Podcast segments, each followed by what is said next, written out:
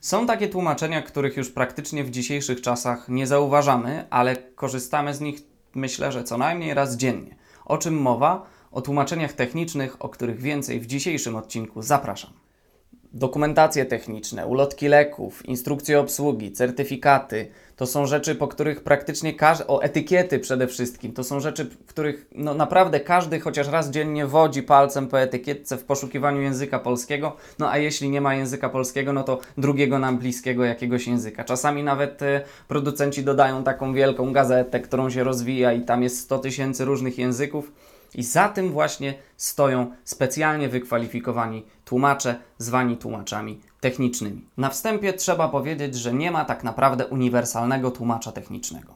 Każdy tłumacz jest wykwalifikowany w odrębnej, osobnej dziedzinie. Według mnie taki tłumacz, no, wybitnie uzdolniony, to może być znawcą maksymalnie dwóch, trzech dziedzin, żeby miał sam do siebie zaufanie i żeby klient mógł mu zaufać. Chodzi tutaj głównie o znajomość e, oprócz branży i praktyki branżowej, chodzi też o znajomość przede wszystkim specjalistycznego słownictwa. Tłumacz taki nie powinien też zbytnio kombinować w tekście, nie powinien używać synonimów słów, nie powinien ich niczym zastępować, nie powinien również stosować różnych e, zabiegów stylistycznych, powinien unikać wszystkiego, co ewentualnie może wpłynąć na negatywną e, jakość naszego przekładu. W tej dziedzinie kierujemy wszystkie siły w stronę rzetelności naszego tłumaczenia.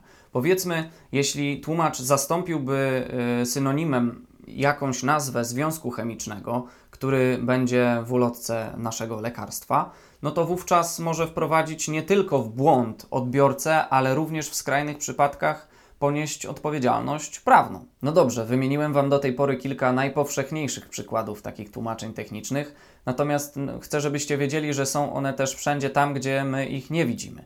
Na przykład w budownictwie, na przykład w medycynie, dokumentacje techniczne leków, dokumentacje techniczne y, budynków, a nawet na przykład receptury różnych sieciowych restauracji, które mają swoje sieci rozwinięte po całym świecie. Tam również, więc wszędzie tam, gdzie firma chce wyjść z produktem na rynek zagraniczny, będą te nasze tłumaczenia techniczne. Materiały tłumaczone w ten sposób mogą mieć jednak też znaczenie marketingowe albo nawet wizerunkowe.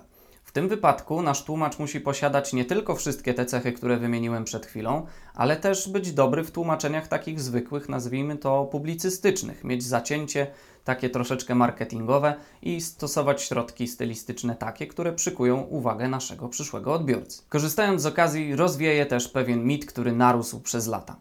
Tłumacz techniczny nie musi być inżynierem. Może być, ale nie musi. Człowiek bez dyplomu również może być wybitnym specjalistą w danej dziedzinie i sobie świetnie poradzić z tym zagadnieniem. Oczywiście nie trudno się domyślić, że po prostu inżynierowi jest łatwiej zaufać i stąd taki mitr powstał. No, zaufanie jest tutaj bardzo ważne, ponieważ to na ręce tłumacza praktycznie kładziemy cały przyszły los naszego produktu. Jest jednak rozwiązanie, które ja zawsze proponuję. Najlepiej dla naszego własnego spokoju i, i, i, zaufania, o którym mówiłem przed chwilą, zlecić tłumaczenie techniczne inżynierowi, ale później zlecić też korektę tego tłumaczenia native speakerowi, który ubierze ją w jakąś taką fajną otoczkę marketingowo-wizerunkową. Takie rozwiązanie daje nam pewność na jednym i drugim froncie, także polecam. Przy takich tłumaczeniach można oczywiście również korzystać z zabiegu transkreacji, o której opowiadałem już jakiś czas temu. Jeśli ktoś nie widział, to zapraszam Was e, bardzo serdecznie na odcinek. Na koniec dodam, że taki tłumacz powinien być zarówno teoretykiem, jak i praktykiem.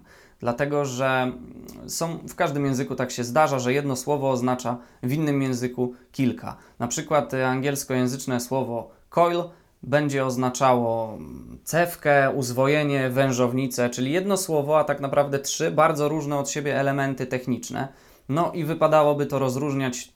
Taką zdolność najczęściej daje nam po prostu praktyka, więc wybierajmy tłumacza takiego, który nie jest tylko teoretykiem, ale i również praktykiem. No, powiem Wam, namalowałem Wam dzisiaj niezły ideał tłumacza technicznego. Praktyk, teoretyk, inżynier, marketingowiec, publicysta. No, jeśli chcemy korzystać z usług najwyższej jakości, musimy się pogodzić z tym, że stawiamy wymagania.